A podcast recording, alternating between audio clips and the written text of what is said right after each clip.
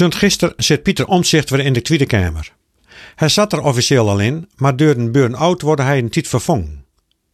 In de kraten las ik wat het uit het CDA-stappen voor hem in de Kamer voor gevolgen. Hij moet hem als eenmansgroep doende holden met alles dat voorbij komt aan wetsvoorstel, en wijzigingen en debatten, maar hij kreeg maar twee minuten zo noemde spreektijd. En hij moet het doen met zo'n 10.000 euro per maand voor ondersteuning. Heel wat minder als de andere inpitters in de Kamer. En dat om reden hij niet als zelfstandige partij meedoen het aan de verkiezings, maar om later losmaakt het van het CDA. Datzelfde geldt voor Liana de Haan, die het 50-plus stapt is. Maar om reden die partij maar één zetel hadden, worden haar opstappen niet aanmaakt als zetelroof. Zij kreeg daarom een ton per maand, tien keer zoveel als Pieter Omzicht. Hoe gek wilden we het hem? Alleen de Pieter Omtzigt is het CDA bij de verkiezing niet onder de tien zetels komen en blaast de partij nog met aan de onderhandelingstafel. Maar het gedachtegoed door Omtzigt verston en staat wordt door het CDA licht kaas helemaal verkwazeld door het middoen wilden aan de regering. Voor mijn gevoel is met het opstappen van Pieter Omtzigt het CDA ook het recht op hun namen kwijtreikt. Het begon in 1974 allemaal zo mooi met de bargreden van Aantjes. Maar de echte CDA is nou voor mij Pieter Omtzigt, die een appel doet op de democratische weren van ons land en dat vanuit een christelijke levensovertuiging.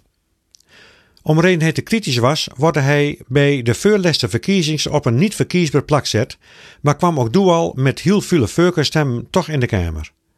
Daarom dacht het CDA hem de laatste keer goed gebruiken te kunnen als stemmenkanon en wordt hij op het nippertien versleugen als partijleider door Hugo de Jonge.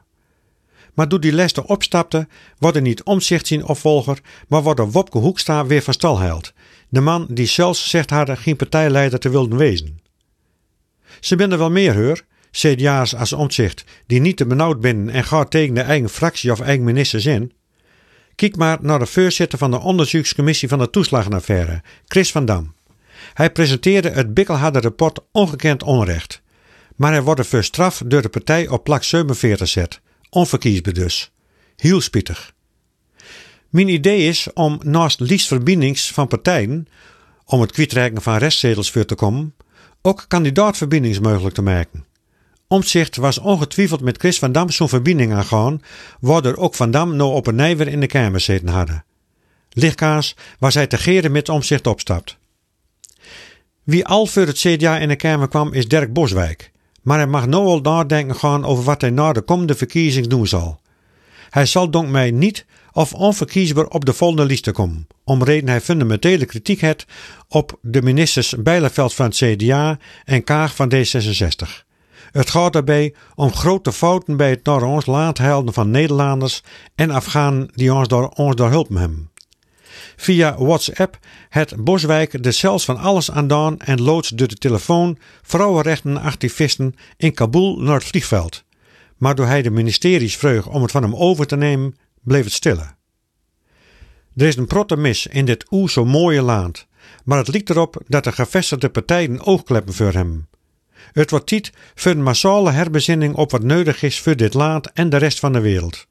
Dat niet alleen keken wordt naar eigen of partijbelangen, naar macht en invloed, maar vooral ook naar recht en gerechtigheid, en dat niet alleen voor Nederlanders of andere Europeanen. Pieter Omzichter is weer in de Kamer, en daar ben ik blij mee. Ik wens hem veel sterkte.